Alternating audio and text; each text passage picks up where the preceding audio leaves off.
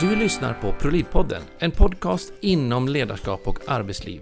Där jag möter drivna ledare och experter som jag är extra nyfiken på. Jag heter Jan Blomström och är affärspsykolog och grundare av ProLid Academy, ett kunskapscenter för just ledarskap och arbetsliv. Vad du har för nytta av allt vad vi gör, ja, där hittar du all information om inne på prolid.se. Men nu är det hög tid att låta dagens gäst få inspirera både dig och mig. Så ge plats i studion så kör vi igång! Hjärtligt välkommen till ProLid-podden säger jag till Rickard Mårtensson. Ja, men tusen tack Jan, roligt att vara här igen då. Ja, för ni som lyssnar, ni känner säkert igen den ljuva stämman. Rickard som är då från Human and Heart och eh, har ju hängt här på podden till och från lite olika omgångar. Eh, och vi, vi, vi älskar ju att stöta och blöta lite saker. Ja, vi, vi trivs ju att uh, göra sådana grejer ihop och det... Nu var det ju dags igen tyckte vi, eller hur? Ja, för det är ju lite så här att eh, det finns ju kanske någon speciell trigger som har utlöst sig, men vad är det som händer? Mm. Och vad, vad liksom, det här måste vi bara liksom grotta ner oss lite grann i. Och det jag tänker närmast på, det är ju den medialt belysta utredningen inom polisen, där det blir ett jättetragiskt utfall liksom. Mm. Och ja, det är fruktansvärt. Det, är liksom, det här är ju och, och, varken du eller jag har ju insyn i vad som händer, vi ser bara media. Mm. Så vi uttalar oss ju egentligen ingenting om vad som egentligen den utredningen specifikt gjort eller inte gjort och sådär. Men Nej. det sätter ju fokus och aktualiserar ju verkligen det här med ar utredningar i arbetslivet. Mm. Nej men det du säger nu tycker jag är jätteviktigt för där har ju både du och jag samma seriositet. Jag, jag tänker att det är oerhört viktigt att vi skärmar av oss ifrån just den utredningen. Vi, kan, vi har inte en aning om vad den egentligen innehåller eller vilka, vilken bakgrund den har och vilka preferenser finns där i. Men däremot som, som du säger så, så väcker det här mycket tankar och funderingar i det som både du och jag jobbar i på olika sätt. Ja. Så jag tänker att vi, det för oss in på en principiell diskussion om utredningar i arbetslivet som, som vi gång på annan behöver prata om. Och, eh, det här är ju också ett område där vi eh, kanske saknar tillsyn i den delen. Ja. och, och där, där det också finns eh, både seriösa och mindre seriösa aktörer som arbetar med, med, med att hantera utredningar och det finns bra och mindre bra beställare av utredningar. Ja, det är ett komplext område. Och är, du jobbar ju där. Du är grund, medgrundare av Human and Heart och jobbar med utredningar mm. inom arbetslivet. Och jag är då affärspsykolog och jobbar med, med, inte exakt så mycket utredningar, i alla fall inte de djupa, komplicerade som ni gör. Men jag är ju i närheten av de frågorna och jobbar mycket med ledarskap och organisationsfrågor såklart. Ja. Men det jag slås av när man hör hela den här debatten, för det har ju varit ändå ett antal av de här utredningarna som, som ploppar upp i media och att jag, jag snubblar ju på dem, du är i dem. Och det med liksom, jag känner ju verkligen, alltså min spontana känsla i alla fall liksom är ju det med att, att utredningar är ju, ja absolut viktigt, för om man inte utreder så de som blir utsatta är ju det jättejobbigt. Många har farit jätteilla. Jag tänker på metoo-varianten. Eh, men liksom hur många är det inte som faktiskt far riktigt illa och de blir aldrig synliggjorda. Så Nej. många har ju betalat ett jäkligt högt pris, tänker jag där. Men en utredning som inte görs på ett bra sätt, då blir mm. ju också en till offer och det är den som utför kränkningarna. Mm. Däremot så är man ju, några få gånger så ser man ju riktigt bra utredningar där det utreds, läggt sakligt upp på ytan, det blir liksom naket lagt på bordet och ser att det här har gjort och det här har inte gjorts och det är liksom över gränsen, det är inom gränserna. Så att man kan dela verklighetsbilden. Vara överens kanske om att det var pissigt det som hände, men någonstans mm. läka och gå vidare i livet. Mm. Det är liksom min ingångspunkt i alla fall. Tänker du lika mm. liksom, eller har du någon annan uppfattning kring, kring det principiella bara? Nej, men det har jag inte. Jag, jag, tänker ungefär samma sak. Men jag tänker också, nu pratar vi ju om kränkningar och trakasserier, men det här gäller ju egentligen alla typer av internutredningar man gör, oavsett vad det är för rättsfråga vi tittar på. Ja. Alltså att de här utredningarna som är internt görs på ett bra sätt. Och, eh, att man, jag brukar tjata mycket om det. Jag menar, nu, nu, det låter ju förmätet att säga expert i frågor, men, men jag tänker att nu har jag, kanske jag vågar kalla mig det i de här delarna. Jag, har jobbat så länge med de här delarna, skrivit böcker i frågorna och jag har på med utredningar under hela mitt yrkesliv egentligen. Det är mm. Jag inne på snart mitt 20 år i det här, eh, i olika typer av utredningar. Jag är ju expert i, i hur vi beter oss på jobbet. det betyder ju inte att jag kan allt om hur vi beter oss på jobbet, utan det handlar om att jag förstår att jag inte kan allt. Och det tänker jag lika med din expertis. Det är mycket det, det är precis så jag tänker liksom också, ja, att vi har, har den här delen. Det finns massor med saker som jag inte kan. Och, och det jag menar med det är att det är ju... Vad kul att du kom in på det, för det jag ville komma till. Den första delen är ju när man är jobbar i den här branschen kanske man måste vara ödmjuk och inse att man inte förstår alla processer ja. och inte kan någonting. Och att man ska uttala sig om det man faktiskt vet och kan. Ja. Eh, inte om det som man inte kan. Och, och, det är steg nummer ett tycker jag. Och det kan jag se mycket, eh, mycket utsvävningar bland eh, en del utredare som tycker och tänker och skriver och har sig med dag, och det blir väldigt fel. Ja. Det blir jättefel. Och det gäller ju här att vara väldigt eh, man måste boxa in det så man jobbar med rätt saker från början och, och funderar på vad är det jag bidrar med och, ja. och vad kan någon annan bidra med i de här delarna.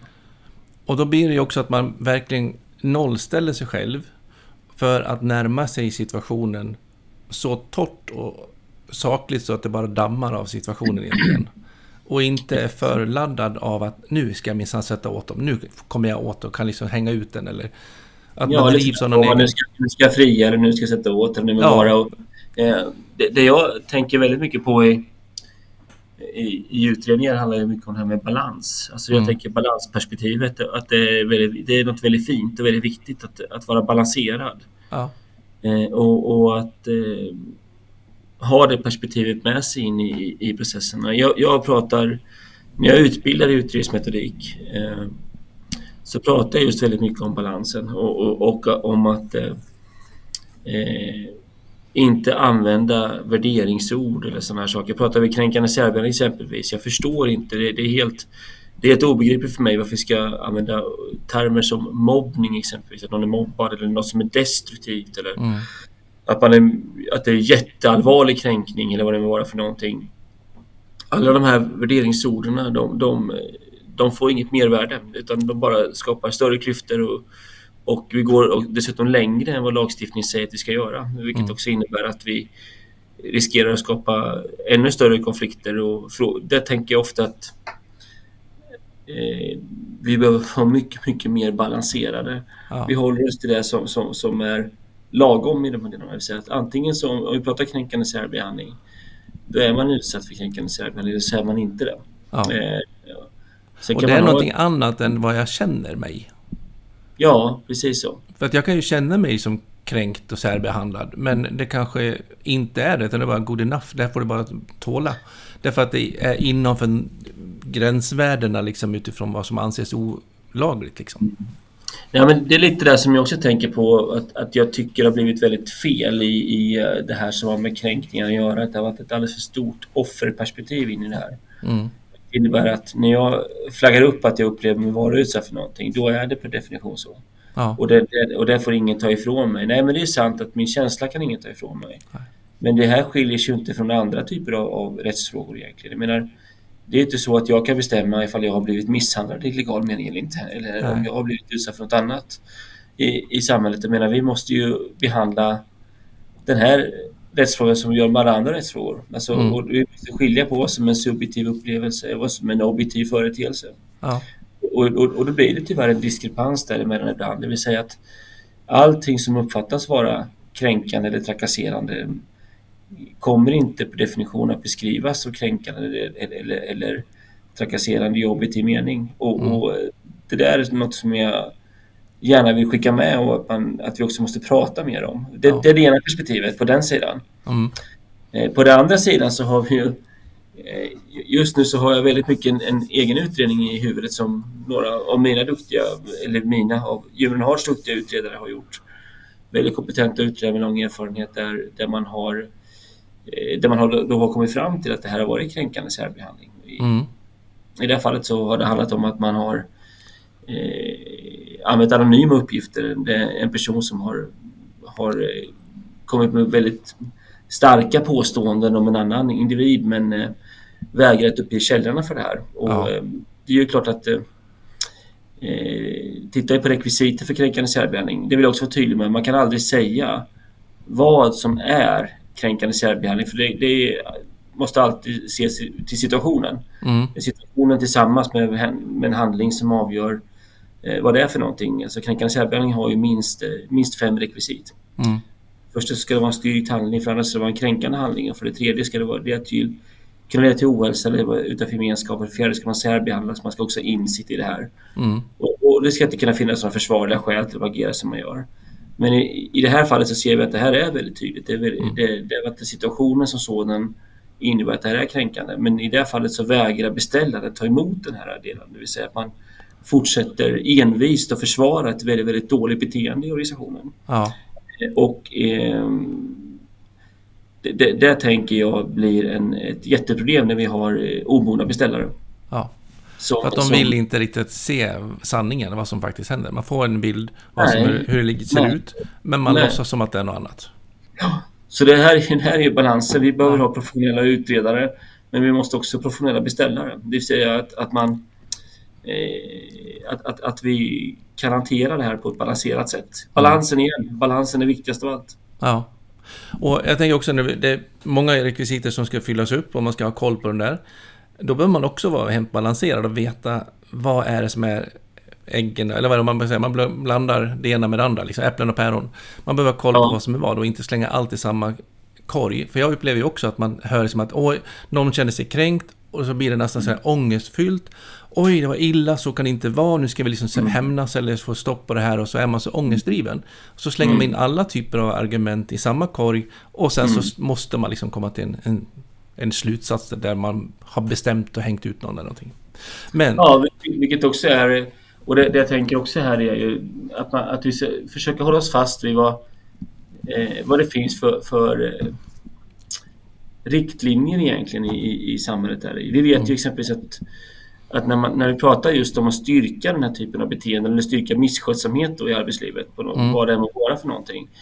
Vi måste komma ihåg i det här att det, ofta, att det finns två parter. Och om vi pratar om att det ska finnas någon typ av rättssäker behandling i det här så måste vi behandla båda parterna likvärdigt. mm, Ja, och det innebär att vi, att vi, vi måste se till att den här anklagade parten faktiskt får, får en schysst prövning i de här delarna. Och det, det är ju det som är den stora, den stora frågan. Och då kommer vi tillbaka till som vi gör i alla andra typer av rättsfrågor också i, i rättsstat. Att vi, eh, om vi tvivlar så måste vi faktiskt hellre fria än fälla. ja, det måste liksom vara bevisat liksom i någon form.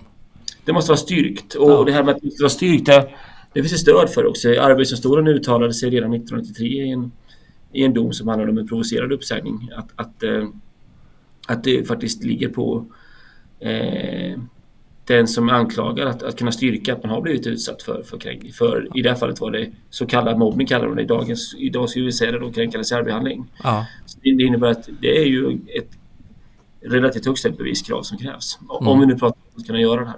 I- det är inte bara att jag kan känna mig kränkt och mobbad och så får någon annan bevisa det, utan att jag måste kunna påtala och visa. I vilka Mm. situationer, vad har sagts, vad har gjorts och Ja. sådana saker. Ja, Mm. och, och, och, och faktum är ju det att min bild är ändå att vi Följer man tydliga rekvisit, det vill säga det är också viktigt med förutsägbarhet i det här. Alltså, så att man vet att man bedömer det mot samma premisser. Och Mm. det innebär att man, och som med all juridik så måste man bedöma omständigheterna utifrån varje unika eller varje situation utifrån, utifrån alla unika omständigheter. Mm. Och då kan man komma till olika slut. Alltså, säga, en handling, samma handling egentligen kan i en situation bedömas vara kränkande men i en annan är det inte det. Ja. Eh, För att det finns helt andra omständigheter i den situationen. Mm. Eh, Men, men eh, ja, det här är ju svåra frågor men man måste hantera det, hantera det på ett varsamt och professionellt sätt. Tänker jag. Det är svårt och komplext, men det blir också stora konsekvenser. Och då vill jag lite backa tillbaka till en fråga. Där, Mm. är det ens rimligt att starta en utredning i fall som man har lite för vaga in, indikationer på? Nej, Kan man utreda när som, liksom? Eller vad, vad tänker du kring det? Nej, nej alltså det, det, det är där vi... eh, Jag tror jag ska passa på att dela skärmen här. Vi sitter ju ute på Youtube också, eller hur? Ja, dock så hö- hör, ser inte alla som lyssnar bara. Nej, jag ska berätta samtidigt när jag gör det, här, Ja. tänkte jag. Nej, vi, att, nej, vi kan strunta i vi gör så här, men det jag är ute efter egentligen är att om, om vi tänker oss en situation som anmäls in, som man säger att antingen är man kränkt eller så är man sexuellt trakasserad eller trakasserad eller liknande. Vi pratar inom det som kan finnas inom ramen för arbetsmiljöföreskrifterna eller, Mm. eller diskrimineringslagen. Då måste ju också ändå ligga en viss bevisbörda på den som anmäler in det här, att det här faktiskt har inträffat. Mm. Eh, precis som man tänker sig med allting annat som man anmäler upp för man ska starta en utredning. För man kan inte starta utredning annars. Och det vi brukar säga är att ni pratar om just uttrycksmetodik i rum och så vidare men också det är ju, rum bygger egentligen på, på allmänna rättsprinciper. Så man mm. tittar liksom i en vi säger att det ska vara antagbart, det vill säga man måste, man måste göra antagbart att om det som den här personen berättar skulle faktiskt vara korrekt, då så ska man in en utredning. Men ja. om man inte går upp till att, det är, att man kan anta att det föreligger en, en kränkning, trakasseri, sexuell trakasseri, då ska man inte starta en utredning. Så man börjar med massa onödiga utredningar. Så egentligen eh. någon typ av förhandsbedömning? Ja, jag ska säga en förutredning brukar jag kalla det för. Ja. Precis. Och, och, här har jag ju tagit mycket begrepp från begreppsvärlden inom, eller jag, vi har tagit mycket begrepp, eh, Cecilia Malm och jag, när vi skrev den här boken, i, ifrån eh, eh, polisen egentligen, alltså ifrån förundersökning brottmål. Mm. Där är det ju så att det brukar åklagaren göra en bara titta, man gör en förutredning innan man bestämmer sig om man ska leda förundersökning eller inte. Ja. Och för att inleda förundersökning ska det finnas skäl att anta att ett eh, brott föreligger. Och jag tänker likadant när det gäller arbetsmiljö och eh, trakasserier, sexuella trakasserier. Det ska finnas skäl att anta att det, att det föreligger en överträdelse mot något av regelverken här. Mm. Jag menar, skulle vi börja utreda allting som inte kan antas, vilket tyvärr en del organisationer också gör, då så lägger vi fokus på helt fel saker. Mm. För det kan jag också reagera på ibland när man liksom hör om dem i alla fall. Liksom att bara så fort det kommer in en antydan till att det kan vara något, ja men då är det per automatik måste vi utreda. Ja. nej, det kan inte alltid vara så, nej. För det påverkar ju någonting. För det kommer vi över till nästa fråga. När man då drar igång en utredning, så mm. blir ju det, alltså själva utredningen i sig, ja komplex, vi ska vara balanserade och allt vad det kan innebära kring det. Eh, men jag är lite intresserad också på att det händer ju saker med den personen som blir anmäld för att, som man utreds, den som blir mm. utsatt för kränkningen eller vad det nu är för sak, och även alla kollegor eller vittnen och, och andra som är, jobbar i närheten där det pågår en utredning. Vad, vad, vad liksom upplever du, vad är det som händer med individer under en utredning? Nej, men jag, jag tror att det som, det som händer är ju givetvis att människor, att det, att det finns risk att man kan hamna i olika typer av krisreaktioner i de här delarna. Alltså, det kan ju du mycket bättre än mig Jan, men, men jag tänker att man eh, faller in i att, man, att olika typer av krisreaktioner som växer upp hos människor. Man, man eh, säger att man, att man kanske känner själv att man ut, varit ute på hal i det här. Då är man givetvis rädd för att bli avslöjad. Man, mm. man är rädd. Eh, person, annars är man ju livrädd för att man är anklagad för någonting som man inte har gjort. Eller en person som har varit utsatt eller vill vara, är givetvis jätterädd för, för konsekvenserna att göra den här anmälan och så vidare. Och vittnena tycker det är obekvämt att att vittna. Och här, här, har jag sett olika situationer. Och det, och det jag vill säga är att som arbetsgivare så kan man inte man kan inte vara krockgjord hur mycket som helst där heller. För att jag, jag ser ibland att man börjar kalla saker för, för någonting som man inte är. Ordet vittne byts mot eh, någonting helt annat som inte, men det är ett vittne. Ja. Eller, eller, en part byts mot någonting helt annat fast det är fortfarande en part. Mm. Och, och, här tycker jag vi får inte ljuga för människor för att jag menar det vet vi också, en sån här situation kan också bli föremål för andra typer av prövningar senare. Det kan komma upp i en, inom staten i en personalansvarsnämnd. Det kan bli en rättstvist i senare ifall arbetsgivaren vill vidta en åtgärd. Och, och, då kan man bli kallad in, in, inför skranket för, för att vittna exempelvis. Och då är det bra så, att veta att jag har vittnat innan då? Inte ja, annars, annars är man inte fair va, som arbetsgivare mm. här. Så att, kalla det för vad det är, för det kommer mm. inte hjälpa att hitta på någonting annat. Nej. Det är, det är som att dra ut en visdomstand. Låtsas inte som att du ska göra något annat, utan det är en Nej, visdomstand som ska ut. Utan antingen så är man part eller så är man vittne. Det finns ja. inget annat. Eh, och, och, och eh, det är det ena. Eh, det andra är att, att man kan inte lova att människor inte får ta ansvar. Det är också viktigt för att en utredning kan givetvis innebära individuellt ansvar. Mm. Eh, det, det, säger sig självt att det är så. Och vad kan det innebära då, tänker du? Nej, men det innebär att det är inte utredarens del. En utredare ska aldrig någonsin, anser jag då, eh, rekommendera några disciplinära åtgärder. Eh, utan det, vi, vi, en utredare ska bara göra en väldigt objektiv utredning där man, där man gör en bedömning. Det är också bara en bedömning, för någon annan göra en annan bedömning säger också. Det, det, det är ofta bevisfrågor, man kan värdera bevisning olika. Ja. Men utredaren ska göra en bedömning eh, där man lämnar över det här materialet till arbetsgivaren som som sen då får värdera det här materialet rent bevisligt eh, om man tycker att man vill gå vidare med en åtgärd. Mm. Eh, och, och, det kan ju få långsiktiga konsekvenser och ytterst är givetvis att man förlorar en anställning. Det kan ju mm. även vara förenat med att man kanske blir polisanmäld också sådana här frågor. Eller, eh, även och det gör ju att en utredare ska egentligen gå in och kolla på vad som har hänt och inte hänt och vem som har sagt ja. och gjort och så. Ja. lämna tillbaka till arbetsgivaren och sen får arbetsgivaren, om de så behöver, rådfråga mm. någon annan. Vilka rekommendationer ger ni från arbetsrättsligt håll eller från något ja. annat? Men, det vill också säga, men det viktiga när man gör den här utredningen, anser jag då. Det, först vill jag säga, det finns inga formkrav. Så jag, jag måste också vara ärlig och säga att man, en arbetsgivare får egentligen göra hur de vill mm. eh, i de här sakerna. Men från min horisont, i och med att vi vet egentligen vad domstolen ställer för beviskrav exempelvis. Från min horisont så tycker jag det är viktigt att den här utredningen efterlevs med de rättssäkerhetsprinciper som vi har i samhället. Det vill säga att vi, vi ska ha bevisning som är styrkt, att vi är tydliga med vilka rekvisit som ligger till grund för att vi kan ha förutsägbarhet. Mm. Och, och, så när man lämnar över rapporter att det finns en robusthet i det här. Så att, eh, för annars så kan man inte använda den. Då kan bara arbetsgivaren komma fram till om, om, om inte den här är tydlig i de delarna, då kommer aldrig utredningen kunna egentligen peka åt riktningen någonting i, när det gäller den typen av, av ansvar exempelvis. Nej. Då måste man göra en helt ny utredning igen. Och, och det, det, kan man göra om man vill, men jag tänker att en arbetsgivare kanske inte vill göra två utredningar. Nej, i alla fall så är det bra om man räcker att göra en, tänker jag. Ja, och kanske inte parterna heller, tänker jag, ska behöva utsättas för två Nej, det blir igen en påfrestning liksom. Ja, och det gäller också att hushålla på frestningarna på, på liksom hela systemet av att bli utsatt för en utredning. Liksom det är ja. otroligt integritetskränkande att liksom granskas så in i lupp. Och det måste man göra med stor ödmjukhet, tänker jag. Det måste man eh. göra. Och, och sen, jag, jag tänkte jättemycket på det här. Allt som händer i samhället nu. Det jag tänker som pratar om att det är ju inte utredaren som ska ta ett ansvar för det som är runt omkring utan utredaren måste ju kunna få jobba självständigt och ställa de jobbiga frågorna som krävs. Ibland är det väldigt jobbiga frågor. Det måste mm. vara konfrontativt också. Och det, det, det säger sig självt att människor kan bli ledsna under en utredning. För det är klart att det finns massor med känslor som bara ploppar upp och då kan man inte börja skylla på utredaren. Vad är det för jävla utredare som... Utan det, det här, utan det här måste då eh, beställaren ta ansvar, alltså det vill säga arbetsgivaren måste ta ansvar. Och det, ja. man måste, det, det är sådana som du som måste finnas där. Ja. Eh, och, och hjälpa till och stötta upp och och eh, ge... Det som hanterar det liksom på ett sunt och bra sätt liksom. Ja. För jag tänker också med, med de som blir då, ut, man startar igång en utredning och det är liksom typ mig som, som de utreder, eller den personen man utreder, den mm. blir ju otroligt satt i fokus. Och ser man på den som blivit liksom bemött dåligt eller vad nu vilken av vinklarna man vill gå på. Eh, den har ju liksom varit med om det ganska länge och sen till slut så säger nu vill jag göra en anmälan så får man igång en utredning. Det är liksom ja. En ganska lång startsträcka tills det faktiskt blir en utredning. Den som har varit kränkande, den har ju mm. oftast inte varit medveten om det på det sättet innan, utan Nej. det är liksom oftast en ny eh, ny återkoppling, en ny verklighet som de får till presenterat för sig att nu ska vi starta en utredning på dig.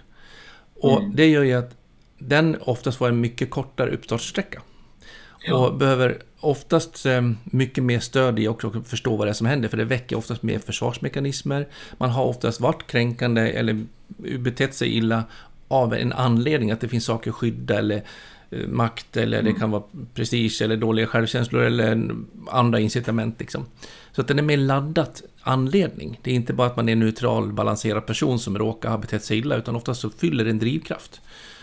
Ehm, och jag mår ju så illa nästan när jag märker på att man drar igång utredningar och så lämnar man personen själv.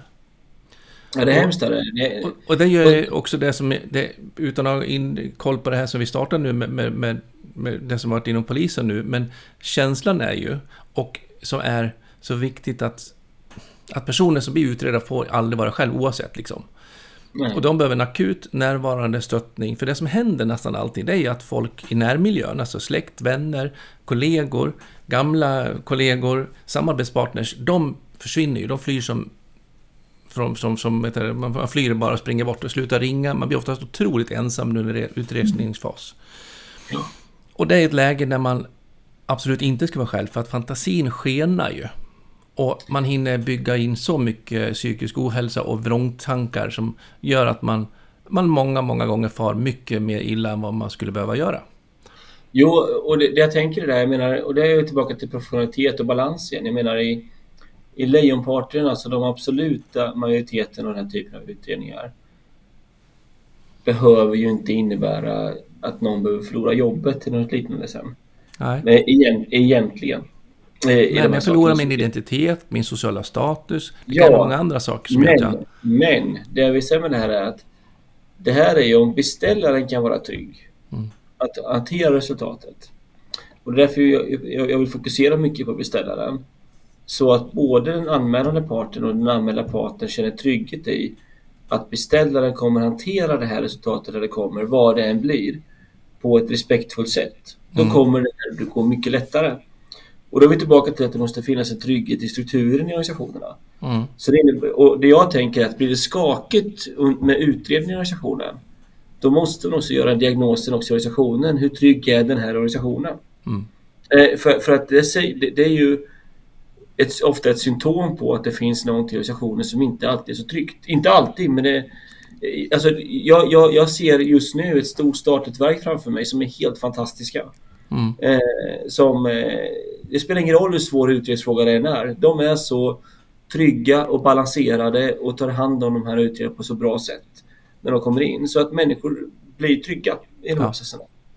Och, och, och, och det, det, är ju det som är eh, mogenhet eh, och trygghet, eh, erfarenhet eh, och lugn och stabilitet. Det är mm. den typen av kompetenser som behövs i de här mm. Mottagningsdelarna i organisationen. Jag tänker på organisationer som har en uttalad no blame-kultur. Ja. Som är, ja, typ sådana här där man liksom jobbar med, med, med livsavhänd, liksom, typ flygledarton eller sådana saker liksom. Ja, precis så. Det liksom, om, man, om jag gör något fel eller beter mig illa eller sånt där, så mm. riskerar planet att störta och så dör massa folk. Då kan man mm. liksom inte få folk att vara rädda så att jag håller nog tyst om den där grejen, utan den måste ju bara upp till vilket pris som helst. Och då måste man ja. jobba stenhårt med att liksom göra det tillåtet och uppmuntra och belöna att ta upp att jag har misslyckats liksom. Ja. Och, och, då letar man ju gärna efter orsaken till att, att jag gjorde en felbedömning eller felbeteende. I, antingen var jag, Jan, dålig eller bitter och elak mm. människa eh, och gå i terapi. Eller annars är det att jag inte har rätt kunskap, vilket är, vi måste förbättra kompetensförsörjningen. Eller annars så fanns inte rätt rutiner eller struktur som bygger på infrastrukturen i bolaget eller fel arbetsmiljö och tillit i grupp och sådana saker. Och nu är det på att det är väldigt, väldigt häftigt där för att egentligen pratar om arbetsmiljö och vi pratar kränkande särbehandling egentligen, då finns det ingen lagkrav på att man måste utreda själva kränkningen. Utan, utan när man ska göra det här är just att kartlägga varför må, vad, vad, vad finns det för risker för ohälsa? Ja. Sen, sen, sen, är det klart att i praktiken så innebär det att, att man, det är väldigt svårt att kunna komma vidare i en utredning om man inte har kartat situationen. Jag skulle säga att per definition så blir det ju inte särskilt seriöst om man inte utreder själva situationen också. Mm. Men det jag tänker är det här att om man gör en väldigt noggrann utredning om vad som har hänt och kan styrka det här. Antingen har det hänt eller så har det inte hänt. Ja. Men det ser vi som del A av utredningen. Men del B, som är minst lika viktig om inte viktigare, den blir väldigt arbetsmiljöfokuserad. Ja. Eh, och det fokuserar på vad, vad beror det på att den här situationen kunde uppstå? Mm. Varför har det hänt? Vad hände innan? Vad finns det för risker i arbetsmiljön? Alltså det bygger på nionde paragrafen i AF 2001 som är om det systematiska arbetsarbetet och kartlägga risker i arbetsmiljön. Ja. Och det är det som blir det, det, det viktiga. Det innebär att gör man det här DLB-utredningen väldigt bra så, så, är, så, så, kan man ju också bli eh, finnas mycket förklaringsmodeller till det som någon antingen har upplevt eller det som har styrkts i, i den här delen av utredningen. Mm. Eh, och, och då brukar jag säga att då ska man vara, vara väldigt robust i bevisningen i del A. Mm. Som, där det är individer. Det har det men hänt kan, eller inte hänt? Men liksom. man kan vara lite mer analyserande och utsvävande i del B. Ja. Eh, som handlar om, för det handlar om att kartlägga risker. Mm. Och, och då, kan vi, då, kan vi sänka beviskrav och sådana saker där. Och det kan man jobba mer med. Det kan bero på de här delarna. Mm. Eh, och, och då, då, får man också en eh, en mycket mer dynamisk process när man utreder. Och jag, jag brukar säga att även om vi utreder korruption, det gör ju vi också, mm. eh, eller andra typer av delar, då vill, vill vi också gärna göra en, en, en, en, analys. Vad kan det bero på att det uppstår runt omkring? Mm. Och det handlar om att ta fram förklaringsmodeller för att försöka förstå. Det handlar inte om att ursäkta det som, det som har hänt, utan det handlar om att förklara varför det har hänt. Ja. Eh, och det här tillsammans blir ju en dynamik som också gör att utredningen blir mindre hotfull och mer greppbar, både för de parterna som är i den och de som läser den. Mm. Och inte lika mycket sensation heller när det kommer fram sen skulle jag vilja säga. Och landar man också i analyser av hur det kunde uppstå så kan ju också ja. bevisbördan vara ganska låg och ändå vara hemskt klok. Vilket gör att det leder till konkreta actions som vi gör en förbättring. Mm. Vare sig det var just kopplat till den här eller inte så var det en klok insikt som vi förbättrar vår verksamhet. Precis så. Så det jag tänker där är ju att det som alla individer, om det är du och jag nu här. Mm. Om det handlar om att jag har kränkt dig, det måste mm. vara styrkt. För det handlar om dig och mig och det handlar om att det är jag som anklagas, det är min karaktär. Det, det, det är det som är problemet. att om det är för låg bevisstyrka där, då kan det ju bli väldigt allvarliga konsekvenser för mig. Mitt liv kan gå åt helvete rent ut sagt. Det är det vi har sett ibland ja. i, i, i uppmärksammade mål. Eller uppmärksammade situationer. Och, och där måste vi liksom hålla de arbetsrättsliga kraven. Men del B, att förklara varför gjorde Rickard det här ifall vi har styrkt det? Eller vad låg bakom att du Jan upplevde det här? Mm. Det som du säger, där kan vi sänka det rejält. Liksom, att det, där kan vi, det handlar om att kartlägga risker för det här. Ja. Och, och, då kan, och där kan vi faktiskt till och med låta människor vara med. Att parterna själva får förklara det under utredningen. Men vad tror du att det här beror på? Det blir ofta jättebra analyser när man börjar tänka, ta perspektivmedvetenhet och byta perspektiv här i. Och då är vi egentligen, om man delar upp det i en förenklad bild. Om jag personligen upplever mig kränkt av dig. Det kan jag tycka bara för att jag är så nojig och sånt där. Det har ju ingenting med om, det, om du har det eller inte. Det är bara min ja, dåliga självkänsla kanske. Sen är det den individuella utredningen där man kartlägger om du faktiskt har betett dig på ett sätt som är ogent mot, mot vad man ska göra. Eh, och då kan du ha gjort det eller inte ha gjort det. Och den tredje är då hur ska vi liksom förstå hur det uppkommer? Varför sitter du och har den attityden till dig, mig och varför reagerar jag så starkt på den attityden? Ja. Och då, den handlar ju den sista delen om egentligen hur vill vi ha det tillsammans?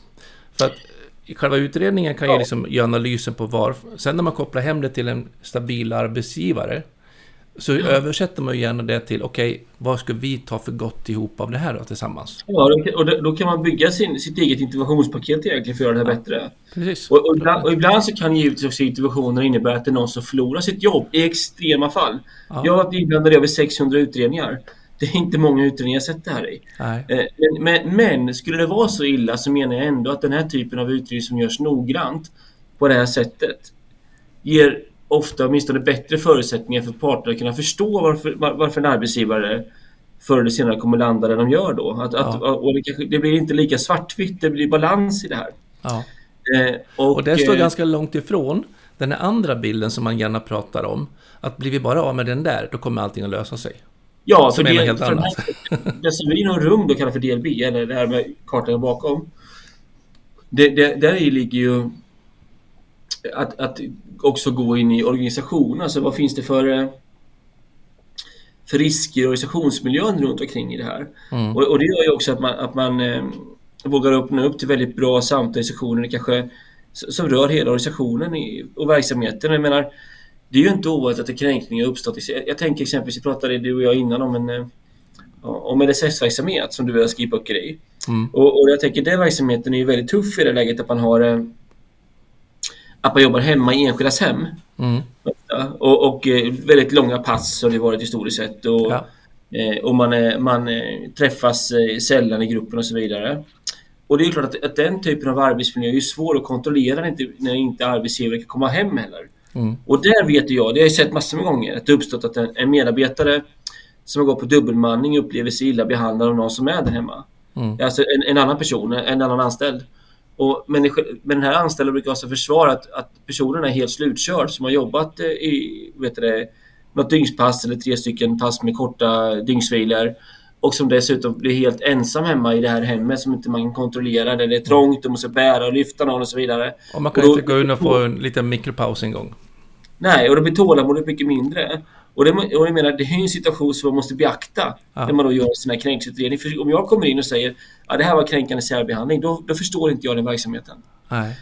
Man måste liksom analysera utifrån den här eh, situationen, vad, vad det nu är. Och det är därför, just av den anledningen, så vi inte kan göra något batteri med att de här situationerna är kränkande. För det säger sig självt att det, Nej, det ser så himla olika ut liksom. Ja, det... det... Hörru, en annan fråga måste jag bara ställa också. Eh, vi har ju checkat av lite grann inför du och jag skulle prata nu om det var några frågor mm. som vissa vill veta lite mm. mer om. Och vi har plockat lite av frågorna kring det. Men eh, bland annat den här eh, med slutresultat på deadline. Alltså hur mm. tidsaxeln, liksom tidsaspekten, vad har, spelar den för roll? När man som arbetsgivare kanske går ut och säger att jag ska vara handlingskraftig så inom fyra veckor ska jag ha ett svar på nu. Då ska ja. utredningen vara klar liksom. Och så gör man en det... sån färdig beställning. Ja, och, och, och det tänker jag själv så här, om vi tittar på, det finns ju Alltså ett, ett mått de pratar om, om... eh, Det finns ju något som heter eh, eh, rättsstatsprincipen inom, inom, inom Europeiska unionen exempelvis. Och då mäter man liksom olika typer av rättssäkerhetsaspekter. Och ett Mm. sånt är effektivitetsmål givetvis för domstolar och så vidare. Mm. Men, och, och att det inte tar för lång tid. Men å andra sidan då, tänker jag så här. Att de utredningar som görs i arbetslivet tar inte lång tid. Mm, och, och det tänker jag att en månad att göra en stor utredning på fyra veckor, absolut, det kan jag göra också.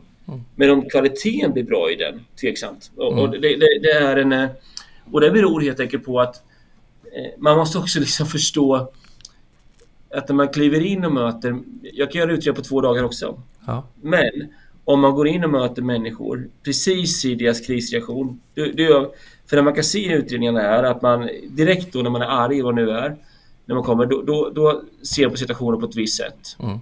Eh, och när man lämnar en, en kompletterande intervju en vecka senare, då är man mer balanserad i sitt uttryck. Ja. Och det innebär att det kan ju, då kan man ju givetvis kritisera mig och säga att ja, det första intervjun det är den som gäller i och med att den är mest färsk. Mm. Ja, men när det gäller kränkande särbehandling så är det inte riktigt så. För, för att kränkande särbehandling handlar ju mycket om att, hur man... Om det handlar om en stöld, eh, alltså som, som man har sett till exempel någon har snott någonting. Ja. Ja, det är viktigt att få ett vittnesmål så fort som möjligt. Det, det ska man få direkt eh, Mm. helst. Men i kränkande särbehandlingsutredningar som handlar om ett, ett möte som har inträffat som ofta handlar om att båda parter är upprörda på något sätt. Mm. Eh, då så skulle jag vilja säga att tiden är viktig. Att också, eh, det behöver inte gå, det, det är inte jätteviktigt att det går jättefort. Eh, jag tror att man säger att en utredning ungefär i Sverige ja, ska ta någonstans... eh, Det här bygger på... på eh, det, ja, Men, men oavsett så låter man ju liksom utredningen i sig få, få styra hur lång tid den tar. Mm. Att man är dynamisk i förhållande till hur, hur den växer fram. Ja, alltså, och, och, och det är oseriöst att säga att det ska ta en viss tid. Ja, för, för, det är det jag är ute efter egentligen. För att en utredning måste, precis som jag pratade om kränkningssituationerna, så måste man bedöma varje utredning var för sig. Mm. Vad är det för unika förutsättningar i den här? Och, och vad, vad är det som gör att... Det är ju klart att om det är en situation och två inblandade personer, ja då är det ju inte klokt ifall det tar tio veckor. Liksom. Det, det, det är inte försvarligt. Men, men en utredning som innehåller 20 parter, det är ju ett problem ifall det bara tar en månad, för då undrar jag hur seriös utredningen har varit. Jag tänkte, du sa att man kunde göra utredning på två dagar. Man kan ju göra den på en timme eller på fem minuter också. Ja. Bara att då gör man ju en otrolig schematisk bild. Och det är det här som Ja, vi ja. skiljer, tycker jag, från att man bara vet för att man var inne och såg i situationen, till att man faktiskt gör en seriös utredning. Den bygger ju på mycket mer eh, komplexitetshantering, helt enkelt. Eh, för, för jag tänker liksom det att, att ibland hör man ibland att man ska bestämma för att man ska visa handlingskraft som beställare. Eh, Att det ska liksom vara färdigt sådär. Men där är ju, som jag delar ju din bild, att det behöver få ta sin lilla tid. Eh, Och också finner vi lite stöd ifrån eh, kris och traumapsykologin, just det här med att inte vara för snabbt inne och få svaren och lägga för mycket vikt på, på den svaret som kommer första dagarna. Därför att vi är hemskt, när vi är upprörda så är vi hemskt eh, färgade av vår emotionella status. Eh, Den blir mycket mer relevant bild när den kommer lite senare, så att man, därför vill man ju gärna skydda personerna när det är för tätt inpå. Eh, och kanske hellre aktivt skjuta på det tills det blir mer... Då blir det liksom kvar det som är substantiellt i händelsen. Ja, och man kan Eh. göra både och tänker jag. liksom. Om man kommer in väldigt snabbt och gör... Ofta så är det en annan som har pratat med den här personen. Jag menar, det kan Ja. vara en chef eller någon annan som har... Och den personen blir också en, en, en, en, en, eh, nyckel i utredningen som man hör givetvis. Mm. Men då behöver man veta vad den informationen är så att den inte används som tolkningsunderlag till, till, till slutsatsen. Liksom. Och, och, och det här är ju liksom att vara... Alltså, alltså jag tänker att... Jag menar, vi som har jobbat länge med utredningar, vi vet att, att, man, att man inte kan sätta en... Det går liksom inte att gå för snabbt i utredningar. Det, då blir det inte bra. Det, det, det är liksom en... Eh, det är ju en... Eh, det är en grundgrej i alla utredningar. Ja. Det, det, det, det, det, är, det är basis. Det, det är liksom... Det Och finns i och med att det är komplext så vet vi inte riktigt exakt vad som vi kommer att hitta, vilket betyder att det dyker upp saker som vi behöver ta akt på. Och Ja. den påverkar det också hur, hur vi går vidare i utredningen. Så den är dynamisk. Hörru, eh, Jag måste gå vidare till en annan fråga också. Mm. Ehm, ibland hör man ju lite grann att det är ett hårdare samhällsklimat idag. Ja. Eh, vi ser det lite i politiken att eh, brytna vallöften kanske hänvisas till att det är någon annan som inte gjort vad de ska, som man inte tar ansvar för det man har lovat före valet. Eh, och lite sådana andra varianter. Eh, det känns ju lite grann som att det blir eh, ett hårdare klimat helt enkelt. Mm. Mer hänga ut, mer eh, sätta grupper mot varandra eh, och så. Inte bara i Sverige utan hela egentligen västvärlden. Eh, och är det så att vi går mot en mer persondriven kultur även när det gäller utredningar och hur hänger det ihop med samhällsklimatet? Det där är ju en jätteintressant fråga. Eh, jag tillhör ju försvararna egentligen av de utpekade personerna. Det, är ju, det vill säga att det ska vara rättssäkert där. Och varför gjorde jag det egentligen? Jo, det gjorde jag nog för att jag tyckte att det var, eh, att det var en, en väldigt stor fokus på att, eh, att försöka hitta syndabockar. Inom ja. det. Det, är väldigt, det, är väldigt enkel, det är en väldigt enkel lösning att göra det. Eh, nej, men jag, jag, tror att det, det är ju klart att, att, att samhällsklimatet är är annorlunda än vad det var för 15-20 år sedan. Och, eh, det, det, ser vi ju såklart även i arbetslivet och i utredningar också tror jag. Det vill säga mm. att man, man vill nog ofta som beställare, vilket jag också kan eh, ha förståelse för, utifrån att, att det är det perspektivet som råder då, att man, att man vill ha en, eh, ett ansvar utpekat väldigt fort. Men, men jag, där, där kanske vi liksom är väldigt måste förklara också för beställarna att det är ju enskilt ansvar ofta, måste oftast förenas med organisatoriskt ansvar.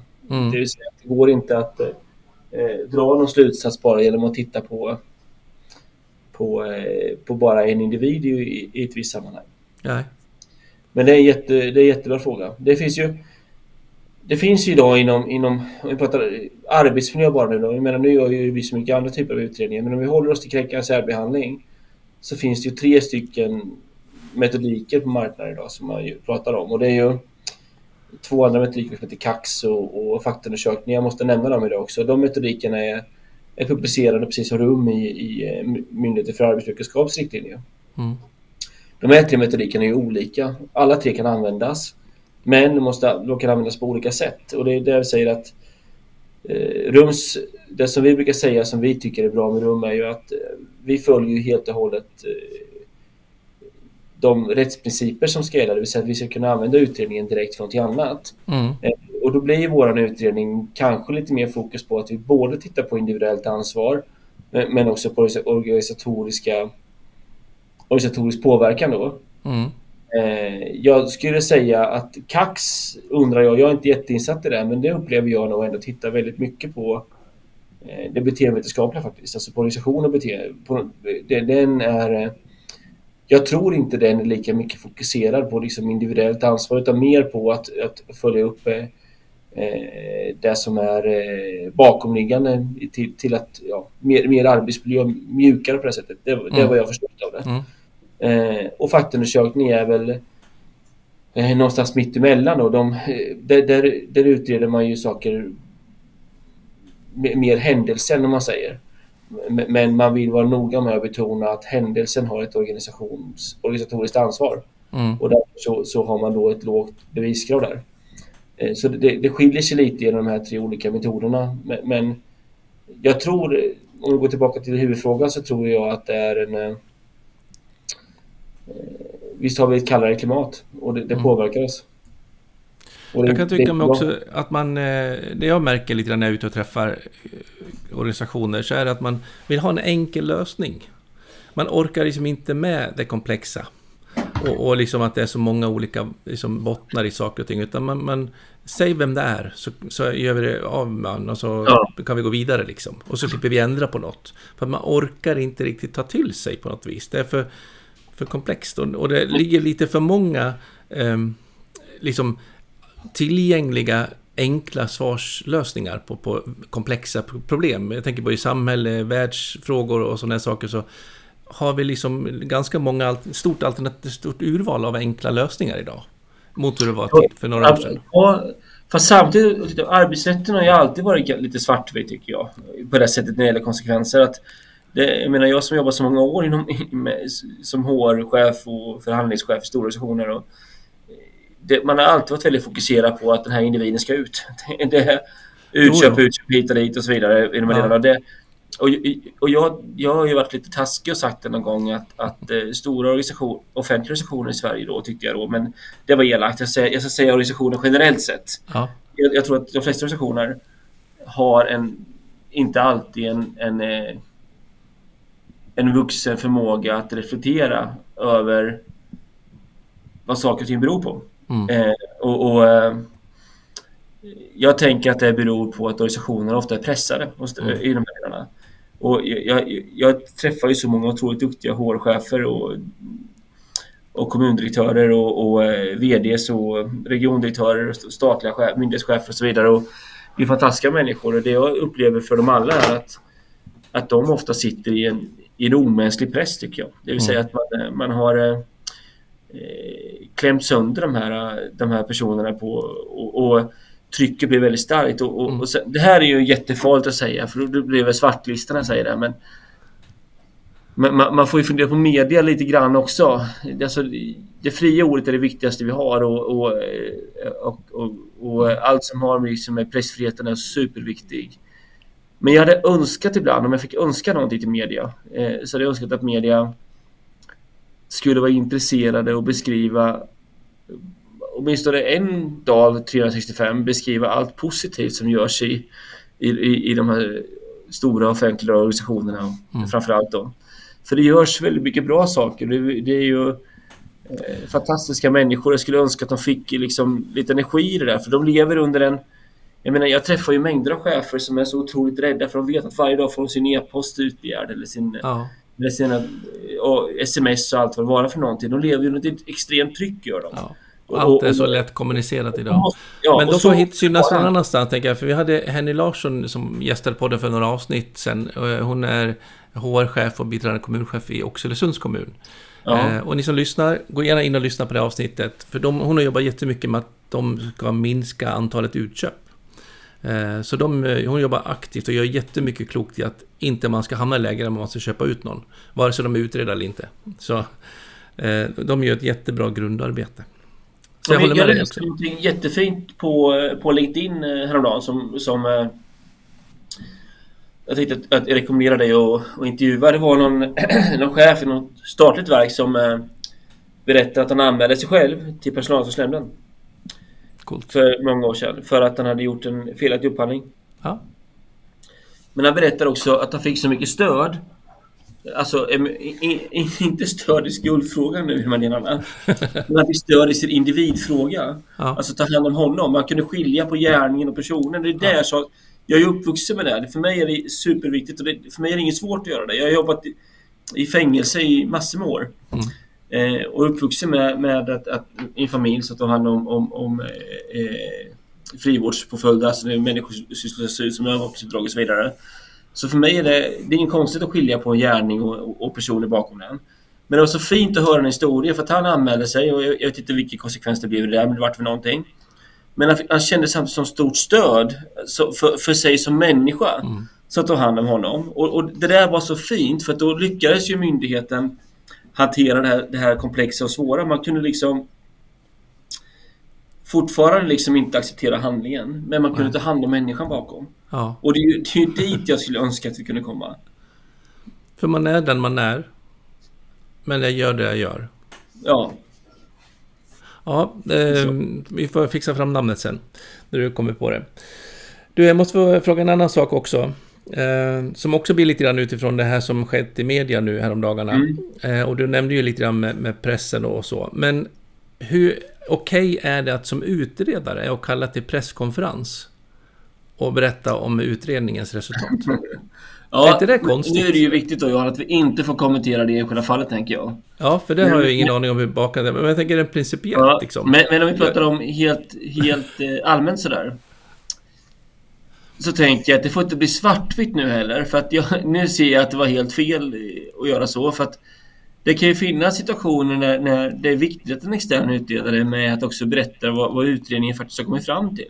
Och, och, och, gör det på ett sätt. Och jag menar, det har ju hänt massor med gånger och det, är, det är väl första gången som jag ser att det är någon kritik mot den i de här delarna. Ja. Men det, det jag däremot tycker är att en utredare aldrig ska gå in på och rekommendera vilka konsekvenser en utredning ska få, för det är inte utredarens sak. Nej.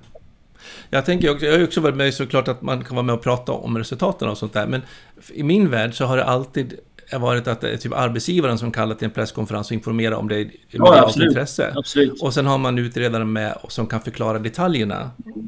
Men då är det liksom äganderätten av liksom avsändaren är liksom arbetsgivaren så pass tydligt. Jag skulle eh. aldrig kalla till presskonferens för någon av våra utredningar. Eller... det känns lite konstigt. Ja, så, men, tycker, vad tycker ni andra? Kommentera gärna ni som eh, lyssnar och vad ni har för erfarenhet kring det där. Däremot så vet jag att vi var, att vi varit med och presenterat utredningen någon gång har vi varit och det ser jag liksom inte några problem med. Men vi är oerhört noggranna att aldrig, aldrig, aldrig säga någonting i några rekommendationer om vilka disciplinära påföljder ja. som skulle kunna bli Men visst var ni, då var ni med som gäst på deras liksom Ja, event, absolut. Liksom, ja, tusan. Ja, ja, ja, precis. Kallar vi till ingen presskonferens, det skulle aldrig hända. Det kanske har varit en gäst där nu den här vändan också. Vad har jag koll för? Detaljerna. Men eh, man reagerar ändå. Och ni som lyssnar, som sagt, in och kommentera vad ni har för erfarenhet eller synpunkter på, på just den delarna. Jag har full förståelse i och för sig att man lockas till att kanske möta upp det otroliga suget som är efter medialt liksom, information. Att man vill, det förväntas ju att man ska liksom helst släppa in dem i allt. Men men, men, men om, om, vi inte pratar om det enskilda fallet i tidningen men så tänker vi ett, ett fiktivt fall som är väldigt medialt uppmärksammat. Mm. Det är ju klart att, att enda chansen liksom att... Jag är väldigt svårt att tro att media skulle, skulle sluta liksom att... att eh, om de inte får, de måste få, det är ju ett allmänintresse. Media måste ju få veta också vad som, vad som har hänt i, i de här delarna. Det, det är ju... Man kommer inte förbi det liksom. Man, man, gör inte det på något sätt. Sen hur det ska ske. Mm. Det måste man tänka till på väldigt, väldigt noggrant. Ja. Och då ska man komma tillbaka till det här med att arbetsgivaren har ju en skyldighet och, och nu ska vi vara lite paragrafryttare här då. Eh, det är åttonde paragrafen i AF 21 att göra riskbedömningar.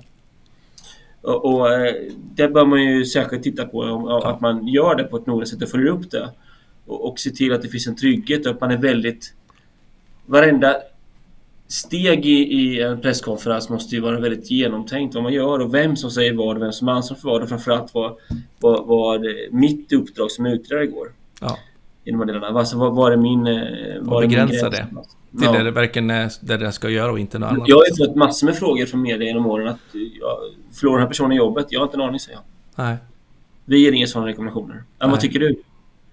Ja, men, vad du tycker och, och, är ganska ointressant. Ärligt talat, jag har ingen åsikt kring Nej. Och att jag inte har det beror på att om jag skulle sitta och fokusera på vad som skulle hända sen Då skulle jag inte vara en bra utredare. Nej. För, för då skulle jag påverkas av det. Det vill säga att om jag är Tänker okej, okay, om jag kommer fram till det här då kommer personen förlora jobbet. Eller jag tycker att den här personen borde förlora jobbet. Om jag har med mig sådana saker in i en utredning Då så jävar jag ut mig själv menar jag. Alltså mm. det enda jag ska fokusera på det är utredningsfrågan, inte på någonting annat. Ja. Och dessvärre är ju det lika angeläget att göra i nästan alla andra yrkesroller också. Men det blir hemskt tydligt i en utredarroll. Ja. Men alltså, vi borde vara mycket bättre generellt att fokusera på det som är vår, vårt roll och min, man, mitt mandat. Och sen överlåta till andra att sköta det de ska göra. Och, och, och det jag tänker också är ju det, jag menar att eh, man, kan, man kan ha ett väldigt stort hjärta som organisation även när man har eh, Även om man, om man har medarbetare som har begått eller som är misstänkta för de här sakerna. Mm. Och jag menar, det är ju sant att... Men, men, sen, måste man också, sen måste man också tänka sig att ingen organisation är perfekt. Och, och, och, det får inte bli så att en, en kris bör innebära att man börjar jaga nya personer med delarna, för det är också något som vi ofta ser. Mm. Eh, och det, det jag tycker att vi ska bli bättre på generellt sett, det är att, att försöka liksom göra organisationsanalyser med de sakerna. Om det nu mm. är så att en organisation är väldigt rädd, att det, att det händer massor med nya saker, eller att ja. det Eh, jag, jag, jag, har en organisation framför mig i huvudet just nu som jag ser. Eh, där man alltid har jagat individer, framförallt då höga chefer. Men det konstiga är ju att om man har bytt ut höga chefer i 20 års tid snart. Men, men, men det, händer inget, det händer ingenting nytt så det kan ju inte vara höga chefernas fel, tänker jag. Nej. Som alltid. Det måste vara något annat. Säger jag som psykolog. Det måste vara någonting i organisationen. Alltså det vill säga att man har att de organisatoriska förutsättningarna för uppdraget till och med vara för någonting och kunna göra den här analysen på ett bra sätt. Det är det man måste börja göra, tycker jag. Ja. Och då är det ju det man brukar prata om att det sitter i väggarna och det finns inget sånt heller, tänker jag. Nej. Men däremot så handlar det om att man måste definiera, förnya kontrakten med vad ska vi få till? Ja. Och då är vi egentligen tillbaka till en grund som gäller på alla arbetsplatser, som jag brukar tjata mycket om. Det är liksom, varför är vi där? Vad ska, vad ska vi få till? Och vad tror vi på få oss att ta oss dit, till vårt önskvärda framtida tillstånd? Precis så. Jag tänker också lite där, om vi tänker liksom att, om vi går tillbaka till Chris Argeris och Kurt Levin och David Kolb och de här som pratar om, om ja, med double up learning eller mm. Per-Erik Hellström i Sverige med utvecklingsbaserat lärande och så vidare. Att det jag funderar på är ju att jag tror att väldigt få organisationer får, har tid för att reflektera. Det vill mm. säga att vi, att vi inte reflekterar över, över det vi gör. Mm. Och att vi inte vågar ompröva det vi gör. Alltså, eh, trials and error and tries again. Liksom. Att, vi, ja. att, vi, att vi vågar testa på nytt. Och, och, och det är ju att, att få också no blame-kulturer. Jag tänker det absolut bästa ledarverktyget jag vet om det är att tomglo. Att stanna upp och bara låta tankarna fara fritt och göra lite nya kopplingar och få helt nya associationer. Och jo, då blir det en ny sanning. ner det i organisationen så att alla medarbetare, för att det, det, det är kritik jag kan ha mot mycket ledarmodeller och sådär, det är att det stannar högst upp i organisationen. Det vill säga att ja. man inte och man måste göra det enkelt så att alla medarbetare får, får möjlighet att göra det här också. Det, för jag menar, det, kompetenser finns ju ofta längst ut i linjen. Det är där, ja. det är där de smarta huvudena finns brukar jag säga. Ja. Eh, och, framförallt de är så många fler än de där uppe. Ja, ja jag menar det. Bara det gör ju att de blir supersmarta. Ja. Och då blir det också knepigt när man där uppe ska tänka ut vad som är smart för dem där nere. Utan ge dem li lite luft så blir de att tänka själva. Mycket Sen, bättre originallösningar. Man är smart där uppe också. Det är, det är inte, man, är, man är smart både upp och ner. Men, men, men jag tycker vi ska hantera och använda alla personer i organisationen på ett bra ja, sätt. och då behöver man vara smart på sina egna frågor och inte någon annans. Precis så. Det är där som blir smarthet, effekten av smartheten också, inte bara att man är smart. Man agera smart. Du, klockan rusar iväg, ehm, så våra lyssnare håller väl på att somna snart kanske i det, eller gått färdig sin promenad. Men jag vill bara checka av en liten medskick nu på slutet till de som ehm, sitter och har sina organisationer där hemma. Vad, är, vad gör man liksom för att kunna vilken kunskap behövs och vilken beredskap behövs för att kunna hantera utredningar på arbetsplatserna på ett bra sätt? Ja, men det, finns ju, det finns ju massor med bra litteratur som man kan läsa. Man kan gå in på våra konkurrerande metodiker och läsa dem.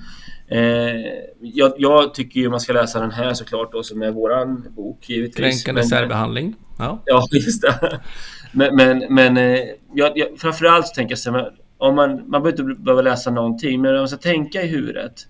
Det är ett, att man måste ha balans med sig. Balans mm. är jätteviktigt. Ja. Att man måste skilja på äpplen och päron. Det vill säga att situationer som, som handlar om människor där måste man tänka rättssäkerhet, alltså det vill säga efter, försöka efterleva rättssäkerhetsprinciper och, och, och tänka att man måste säkerställa att den som blir anklagad alltid får en väldigt, väldigt rättssäker prövning, alltså en rättvis mm. prövning eller rättssäker i de här delarna. Det är superviktigt. Mm.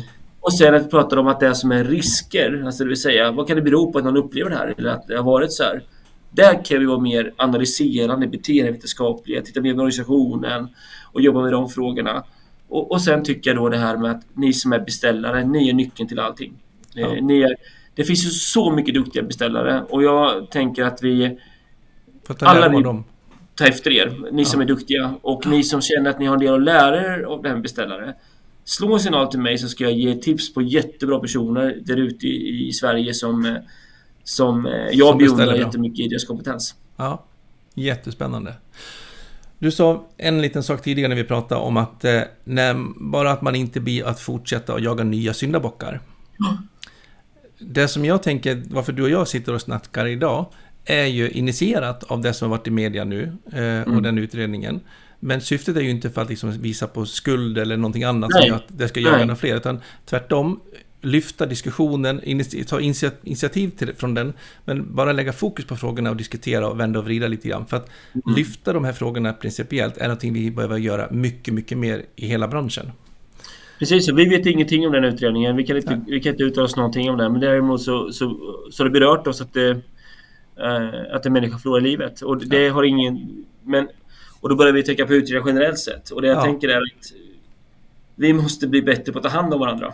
Ja. Eh, och även om vi Även om vi har gjort saker som inte är bra så måste vi kunna ta hand om människor då också. Ja, och, och, det gäller ju även nu då att, att jag, jag tänker att Tänk om vi faktiskt för första gången kan få en riktigt bra diskussion i samhället om att vi ska lämna den här blame-kulturen nu. Ja. Att det kan bli så att, att vi att eh, komma in i en, en, mycket tryggare miljö. Och, och, när vi då utdelar ansvar, det vill säga när man får ta ansvar, För det, får, det, det kommer jag aldrig komma ifrån. Jag menar, det är också viktigt. Man, Men då får man ta ansvar för sin handling, inte för ja, den person man är. Precis, då ska ja. vi skilja på personen och gärningen. Och dit vill jag komma tillbaka, för det är grunden för svensk humanism. Som vi, som vi var så stolta över i så många år, att vi var humanistiska och att vi ja. var föregångare, kunna skilja på personen och gärningen. Och det som jag ser idag, det är tyvärr att vi inte är föregångare längre där. För nu är vi, vi kan inte skilja på gärningen och personen längre. Och jag, jag önskar, försöka lära, eh, lära vet du, mitt barn och mina bonusbarn det här att skilja på person och, på person och gärning. För det är det mm. viktigaste som finns. Ja. Att se att en människa måste alltid kunna få en möjlighet att kunna eh, sona sina synder. För att om vi inte, om vi inte gör det, då, då blir vi inget bra land. Nej. Det blir vi inte det. Och det, det, är grunden för, för, det är grunden för det humana samhället. Det är grunden för den demokratin vi har.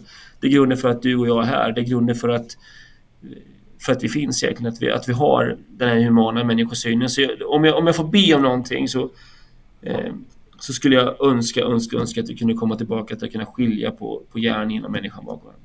Och jag hoppas ju att våra samtal idag har inspirerat er lyssnare till att kunna vara en liten del i att återta den positionen kanske, att vara riktigt humanistiska i, i de här frågorna. Stort tack Rickard att du hängde med mig en stund så här och eh, stöttade och blötte lite grann. Sköt om dig. Eh, och om man vill få tag på dig då, varför tar man tag på dig? Förlåt. Ja, just det. Men det enklaste är att man går in på www.humanheart.se, alltså www.humanheart.se. Och där ja. finns eh, kontaktuppgifter. All information. Ja. Suveränt. Tusen tack för idag att du kom. Hej då! Hej då! Ja, om du uppskattar avsnittet så passa på och gilla och prenumerera på den favoritplattform som du befinner dig på just nu. Och eh, ja, låt oss inspirera varandra också på våra sociala kanaler. Prolid eller Jan Blomström, ja det går lika bra. Och kontakta mig om du är nyfiken på våra tjänster eller besök prolid.se. Men eh, ta hand om dig tills vi hörs i nästa avsnitt. Hej då!